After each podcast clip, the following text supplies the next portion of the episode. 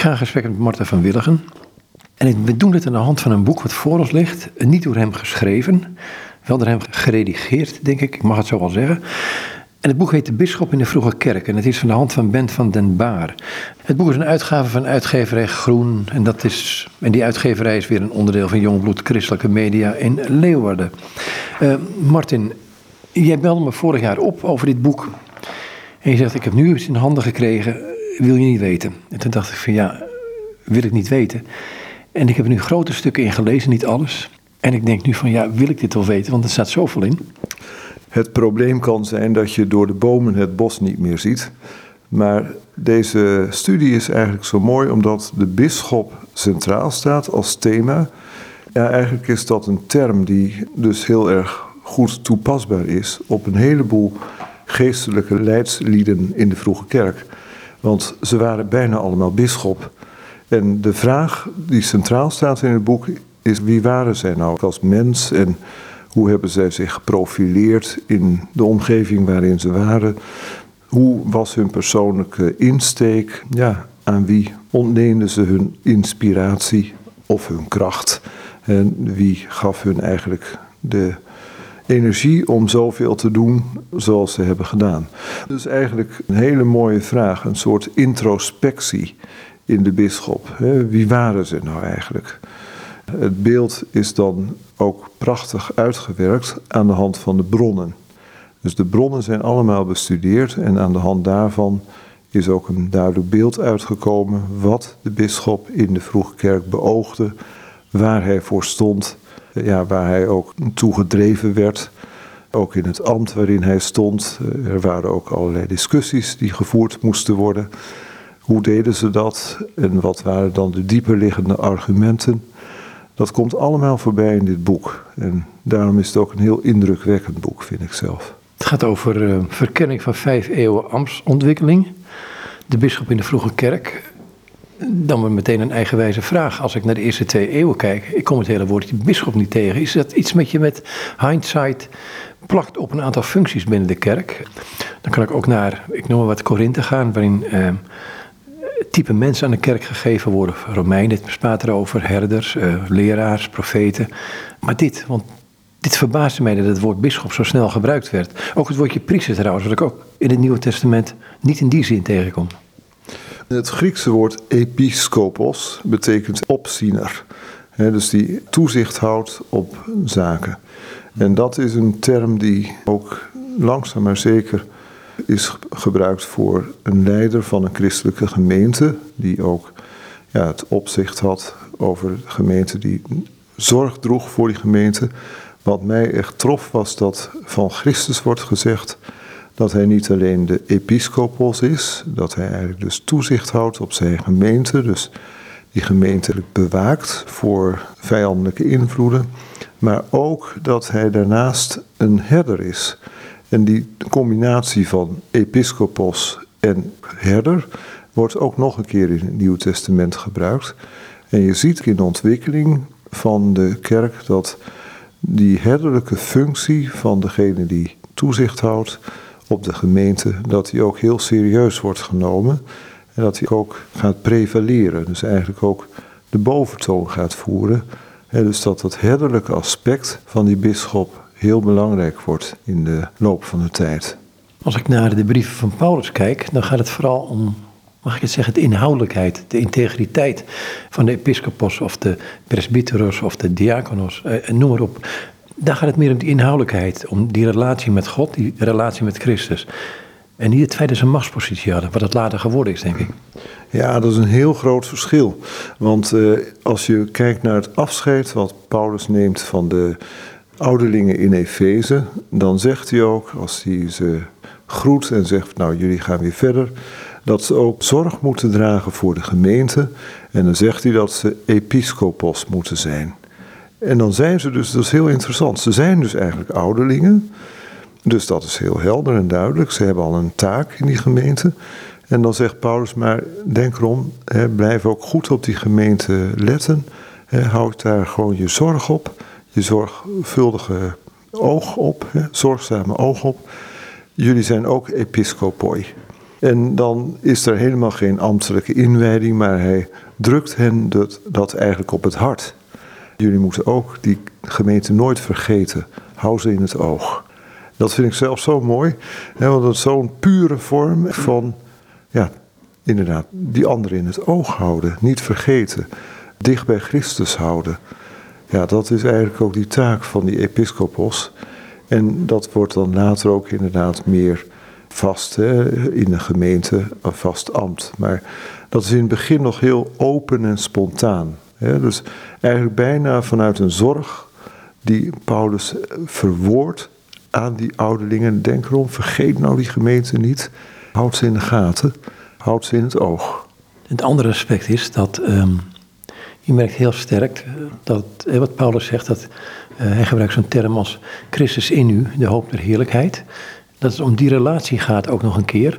En dat lijkt te verwateren in de latere eeuwen. Eerste eeuw misschien nog niet zo, maar de eeuwen daarna zeker wel. En dan komen deze, dit soort functies worden dan soms zelfs door de keizer uh, worden mensen benoemd als bisschop, ik noem er één. Um, maar dit, dit soort dingen, dat, dat, dat afglijden naar um, dat kennen van, naar kennen over. Dan moet je eigenlijk ook wel daar een zekere voorzichtigheid in betrachten, denk ik. Er zijn natuurlijk bisschoppen geweest die ja, heel erg gingen voor die bestuursfunctie en ook op macht uit zijn geweest. Maar je hebt daarnaast ook andere bisschoppen die heel integer uh, bezig zijn geweest. En dat laat Ben van der Baren in dit boek allebei zien. En ook met wat voor een beweegredenen mensen en ook bisschoppen met name hun ambt hebben uitgeoefend. Mhm. En dat maakt veel duidelijk ook over hoe zij in dat ambt stonden en ja, hoe zij zelf daar persoonlijk zich toe verhielden tegenover dat ambt waarin ze stonden. Een draaipunt is erin geweest, onder andere wat hij zegt in het boek. De tijd van Constantijn. Um, van ja, die kon dan bisschoppen benoemen, om het zo te zeggen. Want het waren openbare functies die ook met rechtszaak te maken hadden. Ja, en dan gaat dat inderdaad toch heel anders dan het zou moeten gaan. Hè? Dus uh, hij laat ook heel goed zien dat uh, zoon van uh, Constantijn, Constantius II, die Ariaanse partij wel ja, favoriseerde. En dus allerlei eh, rechten gaf, waardoor er in de kerk een enorm conflict ontstond omdat ja, de meer orthodoxe richting wilde vasthouden aan Nicea en ook aan de drie-eenheid van God. En ook aan het ja, goddelijke van Jezus. Dat was een uh, kernpunt in de discussie. En ja, daar was dus van bovenaf te weinig oog voor. En dat laat het boek eigenlijk, vind ik, heel scherp zien hoe dat dan in de praktijk uitwerkte. Hij wijdt er een hoofdstuk aan tegen de ketterijen, dat de bisschop onder andere die taak heeft. Alleen die, die, het werd op een gegeven moment, ik ga er toch nog een keer naartoe, bijna een machtspositie, waardoor ik denk van ja, waar gaat het over? En hij, als uitzondering, een van zijn favorieten van Ben van der Baar is dan uh, Basilius, een van de Cappadociërs. Um, daar kan hij ook zelf wat over zeggen, denk ik. Ik heb ook beschreven dat bijvoorbeeld de Cappadocische bisschoppen, de bisschoppen dus in het huidige Turkije, toen de tijd uh, Basilius van Caesarea bijvoorbeeld, dat hij dus uh, in de clinch raakte met uh, de Romeinse consuls. En daar verdedigingen moesten houden voor zichzelf en voor hun parochianen om te zorgen dat ze veilig bleven. En dat deden ze de een na de ander op heel politieke en diplomatieke wijze. Daar zouden wij bij wijze van spreken nog een voorbeeld aan kunnen nemen hoe je diplomatie moet bedrijven. Op zich is dat heel leuk om te lezen. Er zijn verslagen van die gesprekken van uh, onder andere Basilius van Caesarea met de consul van Cappadocië. Hoe die daar het spits krijgt om die mensen te vrijwaren van vervolging. Dat doen ze heel handig, zal ik maar zeggen. Hoe? Ja, dat hoe is moeilijker. Dat moet je eigenlijk lezen. Ze spelen bijvoorbeeld op een bepaalde vorm van geweten. Alsof die Romeinse consuls uh, ook een soort christelijk geweten zouden hebben, maar dat is natuurlijk niet zo. Maar ze speelden toch op een vorm van ethiek. Van jullie doen mensen iets aan waar ze niet om gevraagd hebben en wat ze ook niet verdienen. En dat was hun, hun voornaamste wapen. Daar doe je jezelf mee tekort.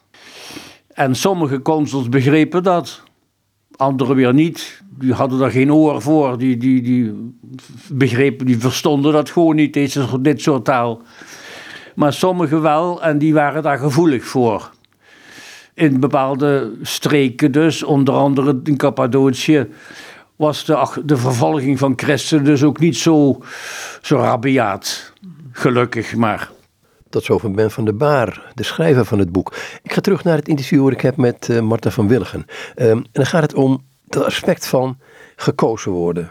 Um, en Ambrosius werd verkozen tot bisschop voor hij zelfs gedoopt was. Ik kan meer van die dingen noemen. Er zit iets, een vermenging in, waardoor, je, waardoor het verwaterd lijkt te worden, die, die inhoudelijkheid. Dat ben ik dus ook met je eens. Dat, hè, dat het ook soms helemaal fout gaat, falikant misgaat. Tegelijkertijd in die soms ongunstige omstandigheden die er dan zijn. Omstandigheden die uitnodigen tot ja, macht of machtswellust. Dat ook in die omstandigheden bisschoppen zijn geweest die heel integer te werk zijn gegaan. Ja, Basilius is daar ook inderdaad een prachtig voorbeeld van. Maar ook de andere Cappadocische vaders uh, hebben dat ook gehad. Een heleboel bisschoppen hebben toch, ondanks de feit, het feit dat ja, die machtsontwikkeling er ook was, toch ervoor gekozen om die macht niet naar zichzelf toe te trekken. Uh, je ziet dan ook bijvoorbeeld bij Gregorius van Nyssa en Gregorius van Nazianze dat ze best wel heel erg gesteld waren op uh, verdieping en reflectie. En ook helemaal niet zo zaten te wachten op een uh, kerkelijke gemeente om daar leiding aan te geven. En dat ze zich terugtrokken en in die teruggetrokkenheid heel veel hebben geschreven, waar we nu nog steeds heel blij mee zijn. Met Irenaeus van Lyon, die keek er heel op een bepaalde manier integer tegenaan. Die zag zich ook niet verheven boven. Dus geen primus inter pares wat de, de bisschop van Rome geworden schijnt te zijn, maar dat is ook alweer een paar eeuwen later. Dat aspect, je bent een opziener over je eigen, of de gemeente waar je aangesteld bent, of waar meerdere ouderlingen zijn, versus um, een bischop die dan een, een soort van, um, ja, een soort bisdom tot zijn beschikking heeft, waarin meerdere gemeenten aanwezig zijn. Dat is natuurlijk een andere ontwikkeling. Ja, dat is zeker een andere ontwikkeling. En wat zo opvallend is, is dat in het begin dat in een gemeente er meerdere episcopoi waren. Dus één gemeente en meerdere episcopoi. Waaruit blijkt dus dat er dus helemaal geen sprake was van een machtsconcentratie. Maar dan zie je dus in de tweede eeuw al, en dat is best wel vroeg, dat dan er één episcopos is die zich over de hele gemeente ontfermt. Nou, een prachtig voorbeeld is Polycarpus van Smyrna, die dan dus ook jarenlang, decennia lang over de gemeente heeft uh, geregeerd, maar dan op een hele integere manier. Of Ignatius van Antiochië, die dat ook deed. Maar van Polycarpus is bijvoorbeeld ook te zeggen dat, dat vind ik dan weer heel mooi, dat is de andere kant op, dat dat opzicht, dat toezicht houden op, op een goede manier. Dus niet dwingend, maar wel coachend zou je kunnen zeggen. Dat, dat ook verder ging dan zijn eigen gemeente. Dus we weten van Polycarpus dat hij een paar maanden naar Rome ging en dat hij daar dan met allerlei gemeenteleden uit Rome in gesprek ging. Ook over de apostolische traditie, hoe die allemaal geweest was. En dat hij dan uitlegde wat de apostelen ook hadden geleerd. En als dat wat in de gemeente van Rome dan onduidelijk was of anders was dan dat was in de apostolische traditie, dan, nam hij de moeite om dat uit te leggen waarom dat niet zo was zoals hij het had geleerd. En zo heeft hij maandenlang een soort coachingsgesprekken gehad in Rome. Vanuit die ja, gedrevenheid dat ja, men toch wel moest weten hoe het geweest was. Ja, omdat de apostelen een heldere leer hadden verkondigd. En eigenlijk zie je dat bij Irenaeus ook. Die schrijft dan adversus haereses, dus tegen de ketterijen. Maar in feite is het een ander boek. Het is bedoeld om de richting vast te houden. Dus wat is nou die apostolische lijn? Wat moet je daar nou onder verstaan? En dat werkt hij uit door zo'n eh, titel, dus tegen de ketterijen. Maar in feite wil hij met het boek aangeven kijk, zo hebben de apostelen ons dat overgeleverd en zo willen we dat ook graag vasthouden, omdat dat, ja, dat de lijn is die de apostelen ook weer van Jezus hebben meegekregen. En die lijn willen we dus niet loslaten, maar vast blijven houden. En ja, op die manier is het dus ook zo dat toezien op bij Polycarpus zich niet beperkte tot zijn eigen gemeente, maar dat hij dus een hele brede blik had en ook heel integer was. Ik vind dat heel mooi om dat eigenlijk te zien, dat, dat iemand ook zo begaan is, ook met anderen, en niet alleen maar zijn eigen ja, gemeente bewaart, hoe ja, loffelijk dat ook is, maar hij keek dus verder ook. Er was een correctiemodus. Ja, en dat was ook hard nodig, omdat men in bepaalde groepen toch ook de draad kwijt dreigde te raken. Je moet niet vergeten dat het christendom aan alle kanten werd omringd door heidense godsdiensten, maar ook door filosofische stromingen. Te denken valt dan aan de gnostiek. Ja, die hadden natuurlijk hele aparte ideeën over uh, Christus en uh, ja, ook heel andere ideeën dan in het christendom werden verwoord. Het jodendom, uh, waar het uit voortkomt, um, dat is niet overal aanwezig. Als ik het goed bekijk, in die dagen kun je nog veel van herkennen. Maar latere brieven veel minder, steeds minder. Ja, de grote groei lijkt toch wel ook gekomen te zijn in het heidendom. Ja, dus aanvankelijk wel in de Joodse context, ook in synagogen. Hè. We weten dat Paulus heel vaak in een synagoge preekte om te beginnen. En daarna ook weer verder probeerde te gaan onder de heidenen. Maar je ziet dus dat in die hele groei van de kerk, dat de heidenen zogezegd steeds meer toenadering zoeken tot de kerk en ook worden toegelaten. En dat dus dat eigenlijk gaat prevaleren. Ook moet je niet vergeten dat de Joodse gemeenschappen relatief klein waren. Ook in grotere steden waren die lang niet zo groot als ja, de vele heidenen die daar gewoon woonden. Ja, dat is dus eigenlijk ook een punt wat, wat je goed moet bedenken: dat die geloofsgemeenschappen van de Joodse mensen veel kleiner waren. Maar goed, als je in een synagoge bent, dan staan daar de wetsrollen en de geschriften. Ik kan me nou eens voorstellen dat ze die mee naar huis namen. Die namen ze niet mee naar huis, nee, dat klopt. Maar het christendom onderscheiden zich daar dus enorm in, omdat in het christendom werden wel al die brieven van Paulus uh, dus overgeschreven en ook rondgestuurd en gelezen. En dat gebeurde niet in een synagoge, maar gewoon in huiselijke sfeer. Dus dat is een totaal andere verhouding.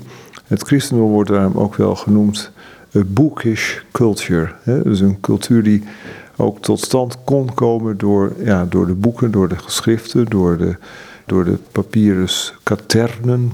Dat was ook heel modern. Hè? De christenen hadden uh, een evangelie, kun je nog zien in Zwitserland, in de bibliotheek van Bootmer. Een evangelie dat als een katern, een klein boekje, was uitgegeven. Dus daar konden ze ook heel makkelijk overschrijven, maar ook meenemen, eruit lezen wat ze wilden. En dat was dus eigenlijk heel modern, omdat de Joodse religie had uh, de rollen en die bleven ze ook houden.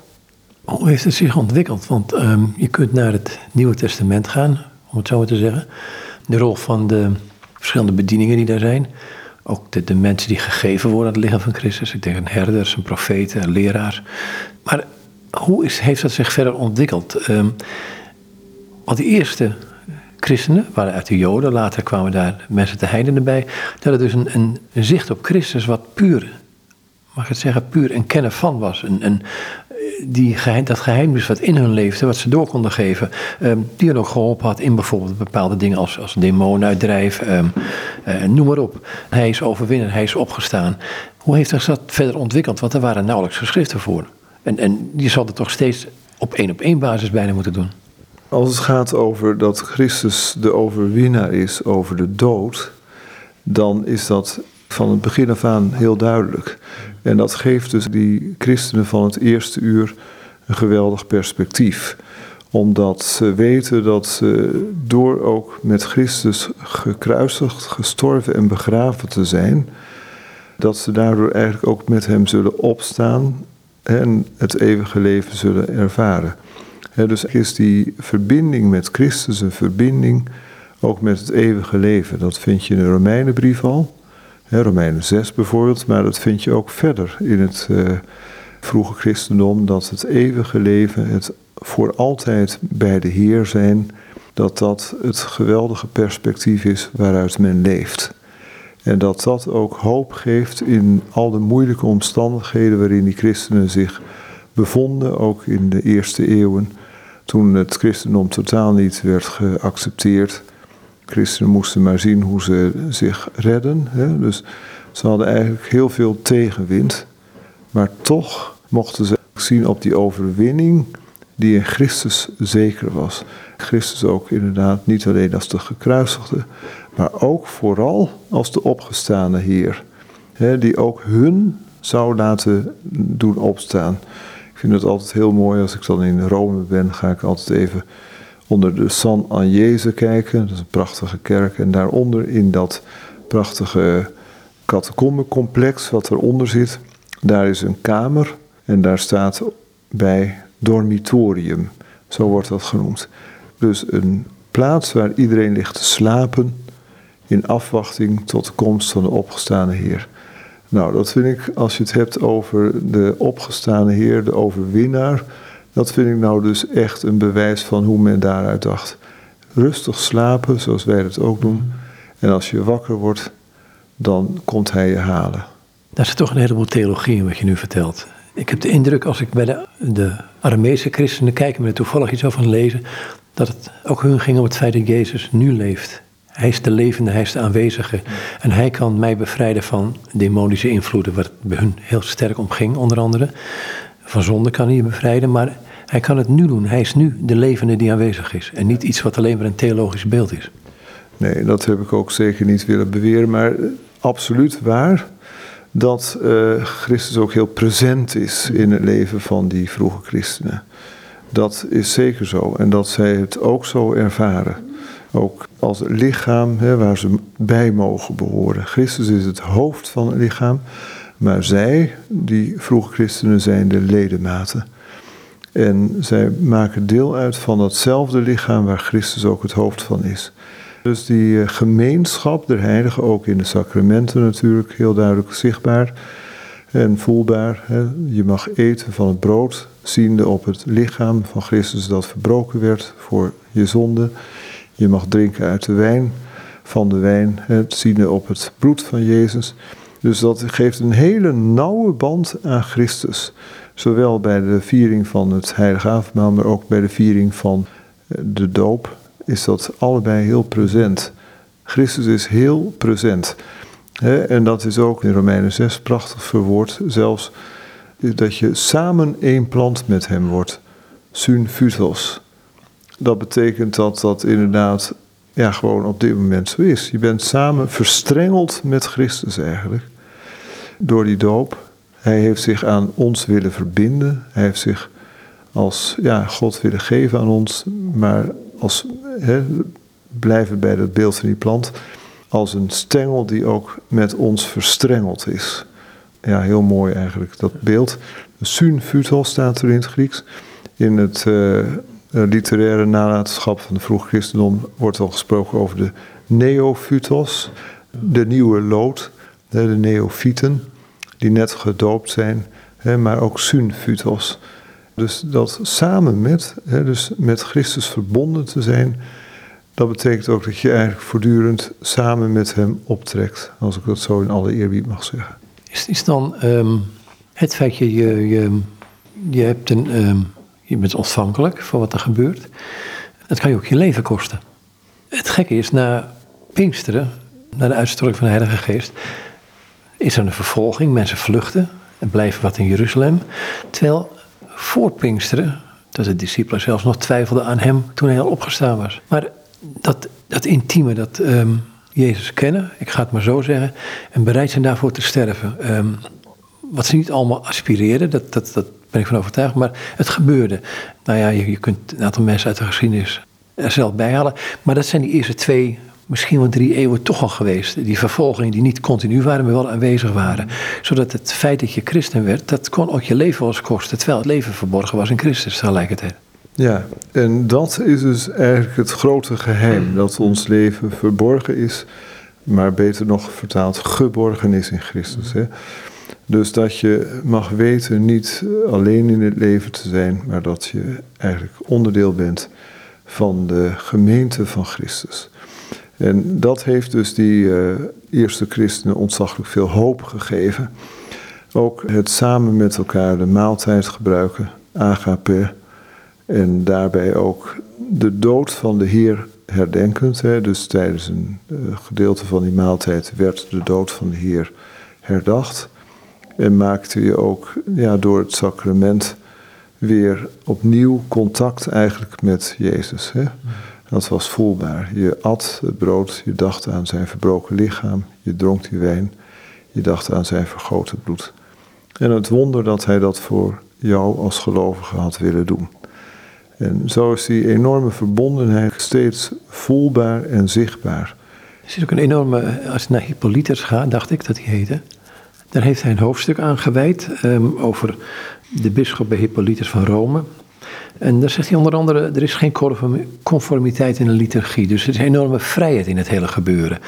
En het was nog in de tijd van de vervolging in dit. En het was ook in de tijd dat mensen dus, ik ga het even chargeren, meer lagen naar um, Christus in ons, de hoop der heerlijkheid, dan wij weten veel over hem. Maar het was nog een, een, een ontdekking wat je je leven kon kosten, waar je mee verbonden was en dat soort dingen.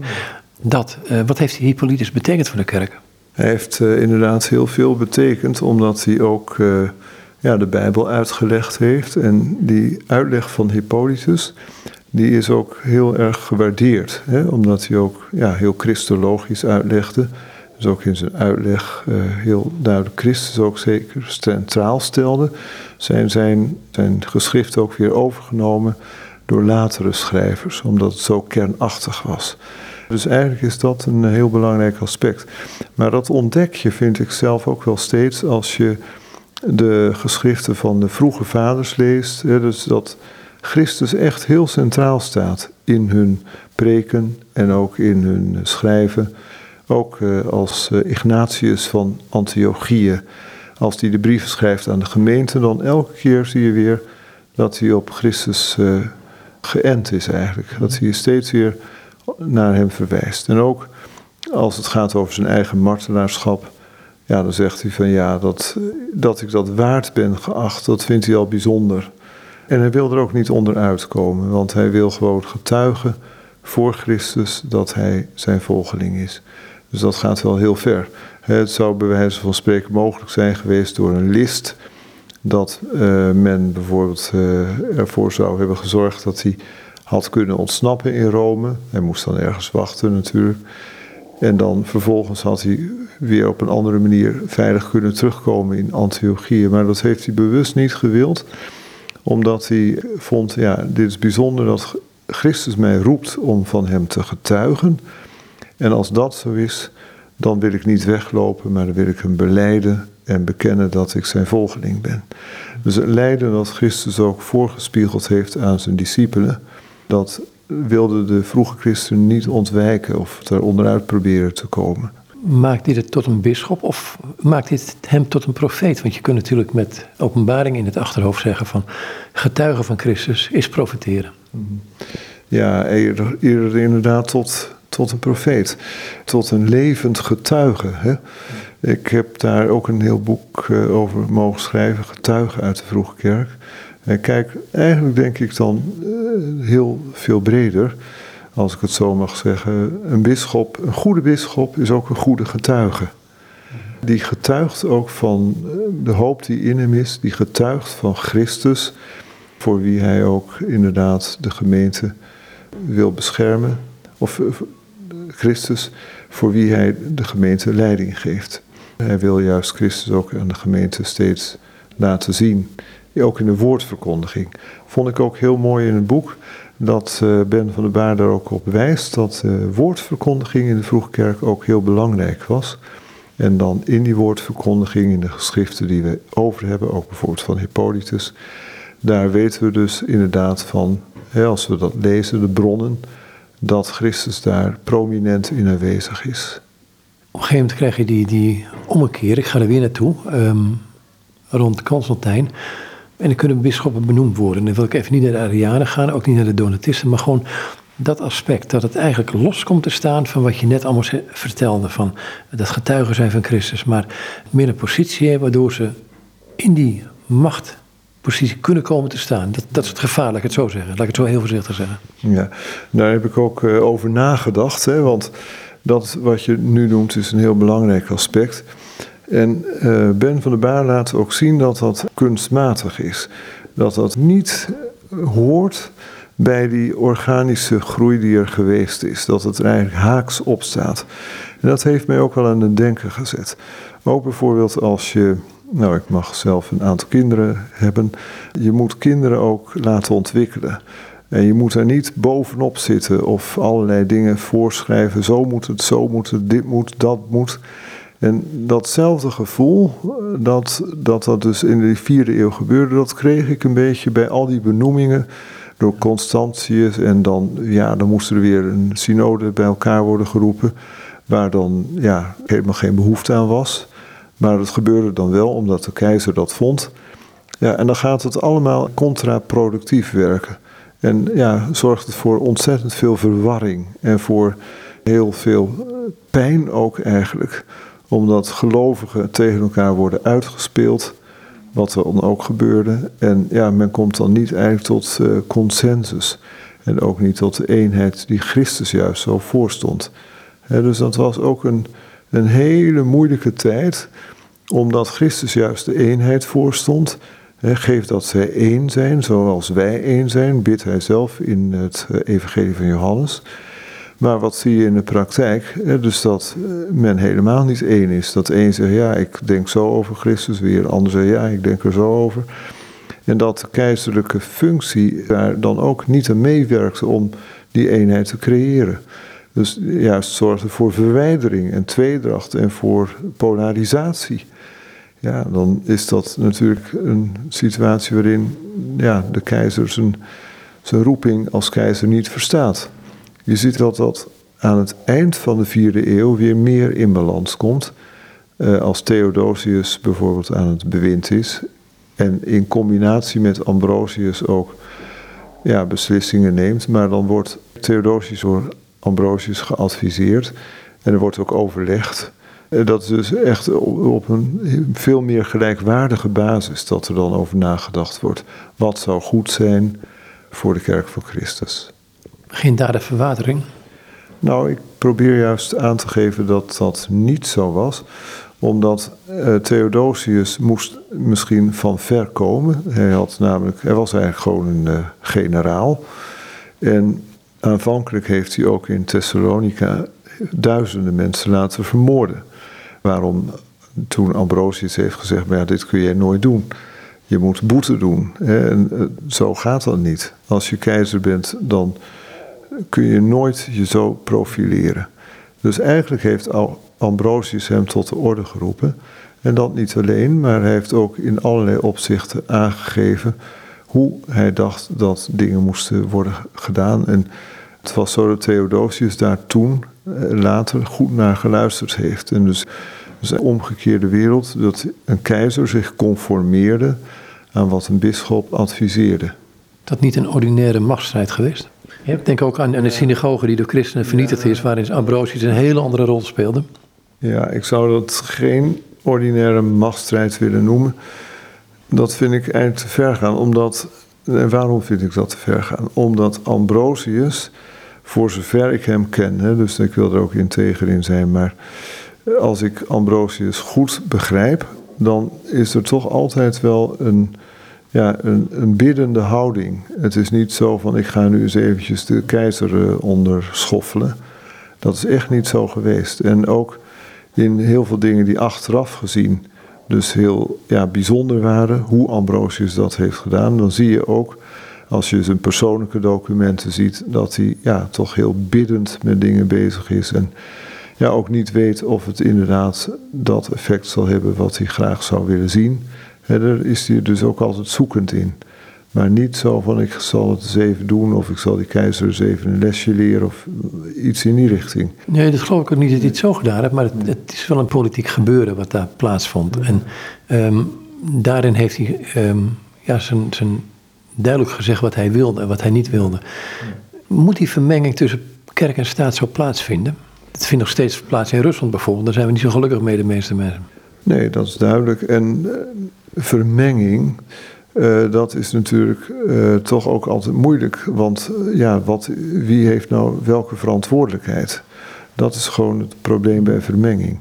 En de andere kant is dus een heidense keizer, zoals Theodosius aanvankelijk was, of in ieder geval hij profileerde zich wel als zodanig. Die moet je wel tot de orde roepen, althans, het is goed dat je dat doet. En als er dan vervolgens uh, samenwerking op gang komt, wat gebeurd is, ja, is samenwerking vermenging? Hè? Dat is dan de volgende vraag. Hè? Uh, ja, wat versta je precies onder die term? Maar in ieder geval zou je kunnen zeggen, dat vind ik een, denk ik wel, goede uitspraak. Ambrosius en Theodosius hebben samengewerkt en hebben ook op die manier het christelijke element in de maatschappij meer uh, nadruk gegeven en meer zichtbaar gemaakt. Dus uh, ja, zoals het ook de andere kant op kan gaan. En Julianus de afvallige, ja, die moest van christenen helemaal niks hebben. Maar ten positieve ging dat dan bij Theodosius in zijn werk, aangevuurd eigenlijk door Ambrosius. Ja, vermenging, dat is mij dan net iets te negatief, zou ik zeggen. In dit geval. Hè. Kijk, de andere kant van de zaak is dat in het boek ook heel veel voorbeelden worden gegeven dat die vermenging wel negatief uitwerkt. Hè, dus uh, misschien mag je dan Ambrosius zien als een gunstige uitzondering op de regel. Goed, het ging om het algemene begrip. Voor mij meer, naar wat, wat later ook veel meer gebeurd is. Um, dat wederzijdse, want kijk, als je een leger hebt, heb je macht. Zo simpel is het. En dan spelen de bepaalde bisschoppen toch wel een bepaalde rol erin. Maken daar gebruik van, maken daar uh, op een slimme manier gebruik van. Zelfs zo ver ging het dat uh, in bepaalde eeuwen het wel bon ton was om, om christen te zijn.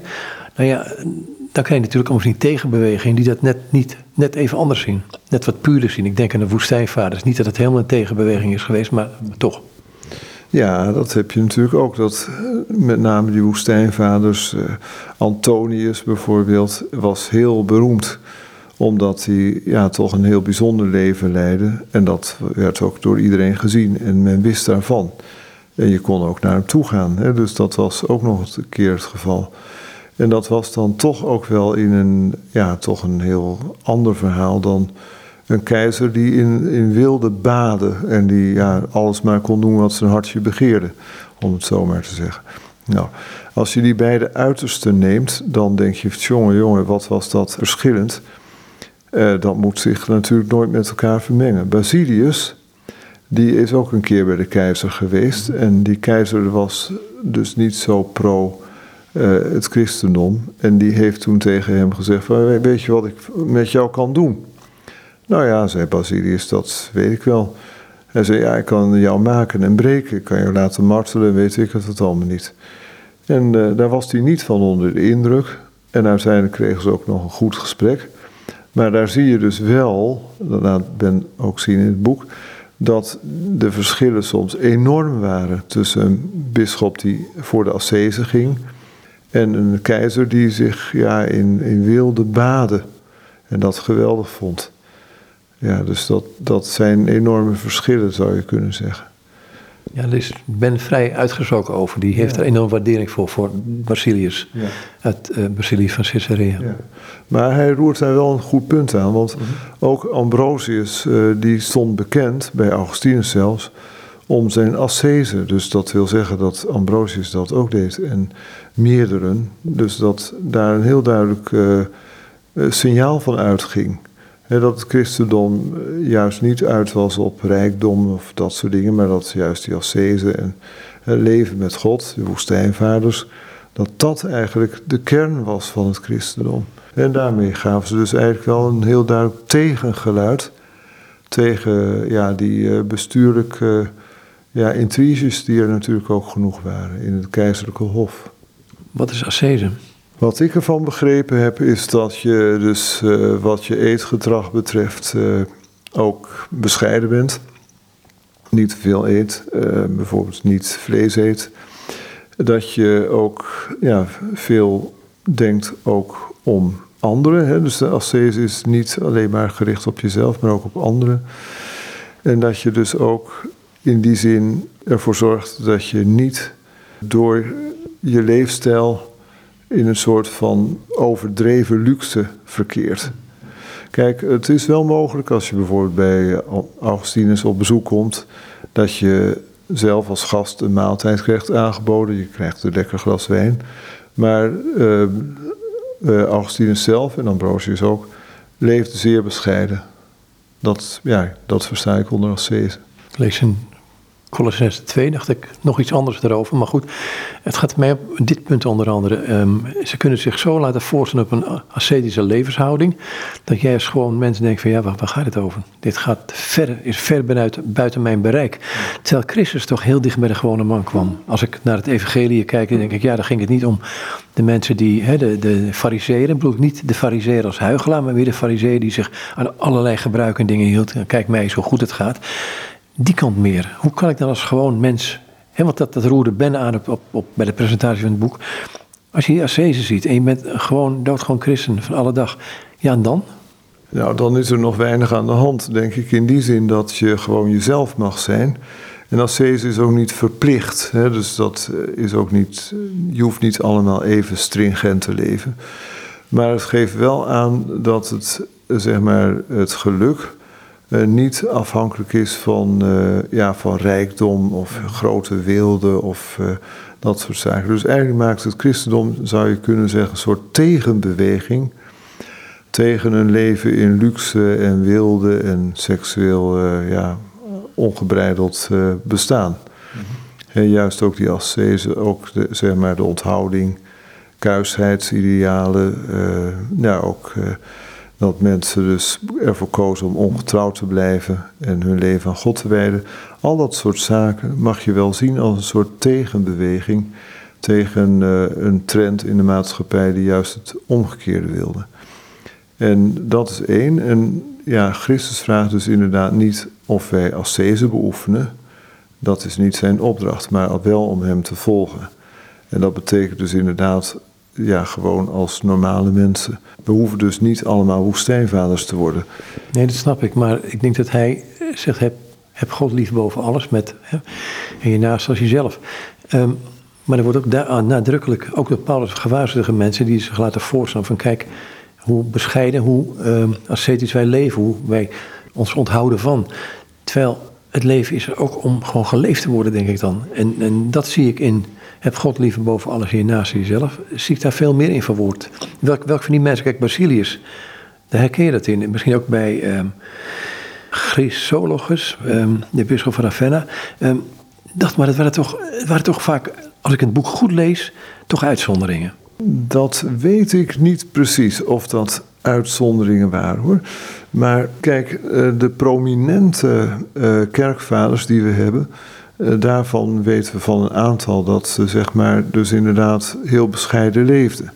Maar van een aantal ook weer niet. Hè. We weten, kijk, we weten van inderdaad Basilius dat hij zo leefde, maar zijn jongere broer Gregorius van Nyssa, of zijn vriend Gregorius van Nazianzen, hoe die precies leefde, als het gaat om ascese, ja, dat is volgens mij minder bekend. Ze leefden wel op een landgoed, hè, ze trokken zich terug, maar dat zal niet eh, ja, arm geweest zijn, stel ik me voor. Als je gewoon je leven kunt wijden aan schrijven en uh, nadenken, mediteren.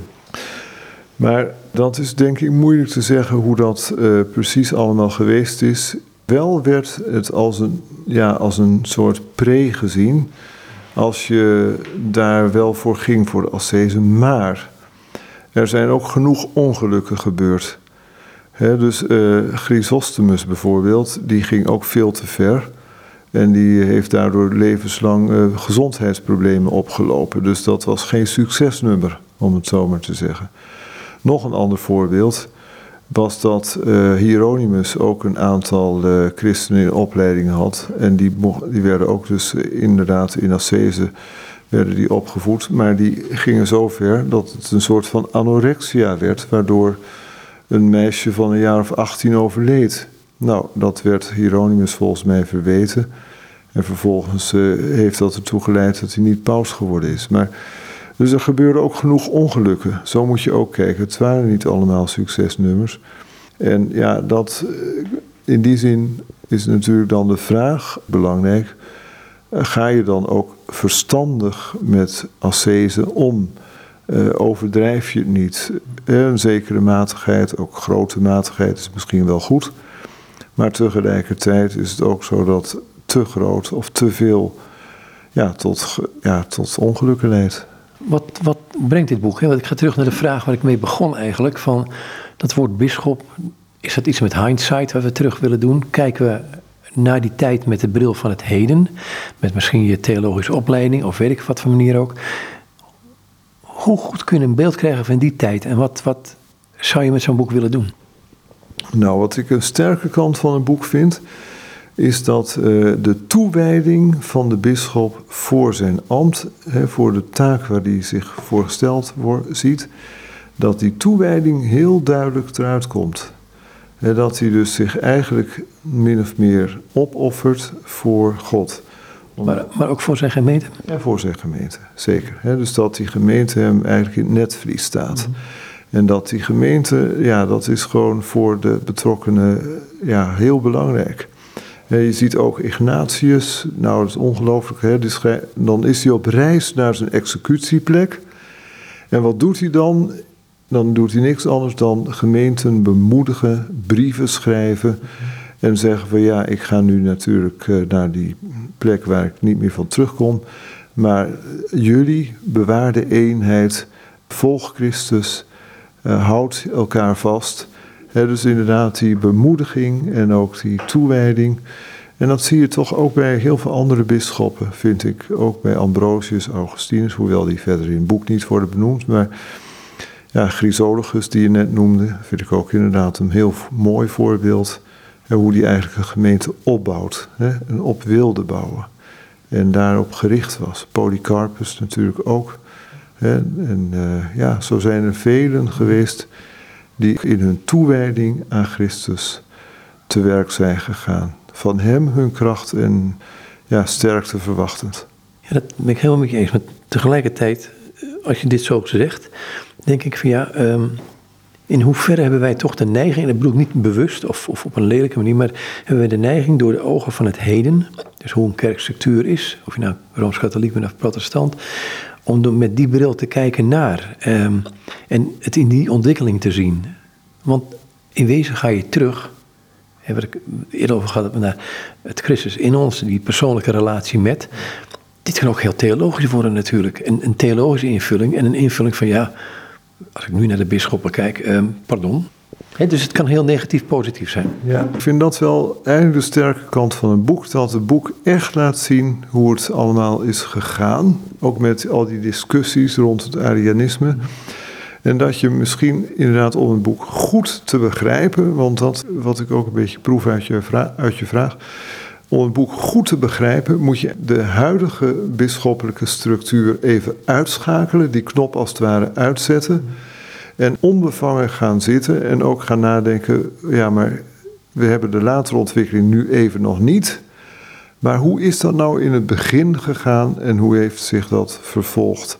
En hoe is dat dan verder gegaan? En dan zie je ook, omdat het boek dat wel heel duidelijk opbouwt, hoezeer ook die uh, bisschoppen van het eerste uur in de branding hebben gestaan. En hoe ze toch in die branding die over hun heen kwam, toch staande wisten te blijven, omdat ze op Christus gericht waren. En ook natuurlijk op hun gemeente, maar als volgelingen van Christus toch daardoor eigenlijk steeds de kracht vonden om die gemeente bij te staan in allerlei omstandigheden. Toen ik Ben die vraag stelde, um, zei hij van ja, het gaat ook om de, de juridische kerkstructuur. Dat heb ik als voorbeeld genomen. Ja, die juridische kerkstructuur, die is natuurlijk al vrij snel ontwikkeld.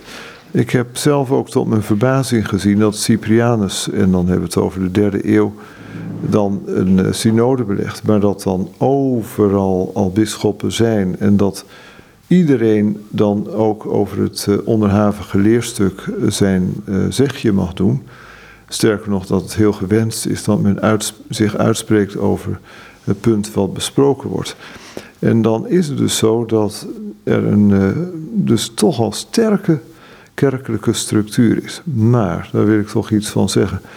De ene kant is dan dus dat je zegt van ja, zo'n structuur kan verstikkend gaan werken of kan zeg maar uh, machtsontwikkeling in de hand werken. En kan ervoor zorgen dat het individu niet meer wordt gezien, want ja, die kerkelijke structuur die domineert dat helemaal. Het individu is niet meer belangrijk. Het gaat nu om een, ja, soort van vereniging of uh, organisatie die veel belangrijker is dan het individu. Dat zou je dan kunnen denken, maar toch is het zo dat ook in die vroege tijd, eh, terwijl die structuur inderdaad aanwezig is, die gelovige nooit wordt vergeten. Als je kijkt namelijk naar de prediking, de verkondiging, is, blijft die persoonlijk. We hebben heel veel preken over, ook van Cyprianus. Maar dan zie je toch dat ze ook al die vroege schrijvers op die gelovigen gericht blijven. En dat de kerkelijke structuur ook positief kan zijn, omdat als het gaat over ja, het weerleggen van ja, verkeerde uh, dat daar de kerk dan ook ingrijpt en dat dan de structuur van die kerk belangrijk is. Dat het niet zeg maar een, een groep losgeslagen of een uh, verzameling losgeslagen groepen is, maar dat het een eenheid is die ook door Christus wordt gewerkt en waar ook steeds streven op naar is om eenheid te zijn, één te zijn ook in Christus. Als ik het woord kerk hoor, wat je nu uitnoemt, denk ik, is het bijna een abstract begrip geworden. Uh, als ik in die tijd ga, wat bedoel je in die tijd met de kerk? Want er zijn zoveel gemeentes waren in die tijd al, uh, zoveel verschillende gemeentes, uh, ook richting orthodoxie, richting de Latijnse kant. Wat bedoel je met kerk? Ja, de kerk is dan eigenlijk de ja, overkoepelende term zeg maar, voor al die geloofsgemeenschappen die er toen waren, klein en groot, in allerlei delen van Europa, maar ook in Noord-Afrika. Waarbij dan inderdaad de leiding ook berustte bij een episcopos die zorgzaam voor zijn kudde waakte. dus dat zou ik dan onder kerk willen verstaan er inderdaad van bewust zijn, zijn dat ja, de term kerk dan eigenlijk meer het hele lichaam van Christus uh, aanduidt. Dus alle gemeenten vertegenwoordigt, alle groepen die zeg maar hem wilden volgen. dus je zou kunnen zeggen het hele lichaam van Christus. Wat kunnen wij in deze tijd met een boek als dit? Nou, ik denk wat je vooral kunt leren van het boek, wat ik er echt ook van geleerd heb, dat die worsteling die er is, hè, die strijd die Christus ook van tevoren voorzegt, dat je dus een strijd zult hebben in je leven, dat die in dit boek heel duidelijk zichtbaar wordt. Hoe die bisschoppen steeds moesten strijden, ook voor Christus, om Christus aan het woord te laten überhaupt. En op het moment dat je Christus alleen maar ziet als een mens die ooit geboren is, maar niet als de zoon van God en ook zelf niet als God erkent, ja, wie is hij dan? En die strijd werd dus hevig gevoerd. Dat laat het boek heel mooi zien. Maar niet alleen die strijd, ook de strijd tegen ja, allerlei invloeden van buitenaf. Hoe eigenlijk de kerk en de gemeente van Christus daarmee om is gegaan. En ook daarin Christus is gevolgd, juist in het strijden ook voor hem. Ja, dat, voor, ja, dat wordt door het boek, vind ik, heel mooi verwoord. Ga ik nog naar één persoon toe, Athanasius. Dan, we zijn samen in Trier geweest. Daar is hij als balling geweest. Ja, vul maar aan. Ja, ook onvoorstelbaar. Hè? De veerkracht, als je het hebt over veerkracht, die Athanasius heeft gehad. Want eigenlijk zou je kunnen zeggen, hij was een soort speelbal van de keizers. Het was dan zo, hij zat dan inderdaad in Trier. En toen Constantijn overleden was, toen ja, zeiden ze van ja, moeten we hem nou niet langzamerhand eens een keer terug gaan halen. Dat is toen gebeurd en vervolgens kwamen er weer allerlei discussies op gang. En toen hebben ze besloten, ja, doe hem dan toch maar weer terug naar Trier. Want hij, hij leeft in Alexandrië. Ja, hij leeft in Alexandrië, dus dat ligt niet naast de deur. Dat zijn natuurlijk twee plaatsen die heel ver uit elkaar liggen. De idee was bij de keizers, je moet niet te veel uh, trammeland en tierenlier krijgen. Je moet gewoon zorgen dat zo'n man eh, geen podium heeft. En dan ben je er klaar mee en dan blijft het veel rustiger. Maar er waren ook tegenbisschoppen. Ja, die werden dan dus inderdaad aangesteld om dan zogezegd uh, de, de, ja, de, de gaten te vullen. Maar daarmee werd het natuurlijk alleen maar erger, omdat men fietste zeg maar, zonder enige reflectie door de kerkelijke structuur heen. Ja, dan kun je wel zeggen, nou ja, maar uh, wat stelde die dan voor? Nou, men had gewoon op een zorgvuldige manier het allemaal wel gedaan. Hè? En ja, als een keizer dan vindt dat het anders moet, dan krijg je dus een uh, ja, twee-sporenbeleid. Dus dat was heel erg uh, schadelijk ook. En Athanasius, dat vind ik dan eigenlijk heel mooi, dat hij uh, zich niet heeft laten afleiden, maar juist in dat trier waar we samen zijn geweest, daar rustig heeft nagedacht over het leerstuk van, ja, wie is Jezus nou eigenlijk? En daar de prachtige boeken heeft geschreven, De Incarnatione Verbi. Hè? Dus hoe is dat nou eigenlijk, dat mysterie van die Jezus die God is en mens wordt en toch God blijft? Ja, ga er maar aan staan. En dat, maar... Het is een fantastisch boek. Ik ben het aan het lezen. En, en ik denk dat dit heel makkelijk, ook heel makkelijk, nou niet makkelijk. Het is makkelijk ook in deze tijd te lezen. Want ja. ik denk dat we dit best wel nodig hebben. Heel hard nodig hebben, want dat is eigenlijk het grote mysterie. Maar wat we door genade ook mogen, ja, mogen omhelzen. Christus, u bent de zoon van God, u bent God zelf. Ja, dat is zoiets geweldigs. Dat, ja, dat leert het boek ons ook. Ik denk dat er nog een heleboel te zeggen valt over dit boek. Um, de bisschop in de vroege kerk van Ben van den Baar. Maar ik word hier belaten voor dit, deze keer. En um, wie weet komt er nog een volgende keer. Dankjewel. En is een Marten van Willigen. En met hem was ik in gesprek over de bisschop in de vroege kerk. Verkenningen van vijf eeuwen ambtsontwikkeling. Het is een boek van Ben van den Baar. En het boek is uitgegeven bij uitgeverij Groen. En dat is weer een onderdeel van Jongbloed Christelijke Media in Leeuwarden. En ik was in gesprek nogmaals met Marten van Willigen.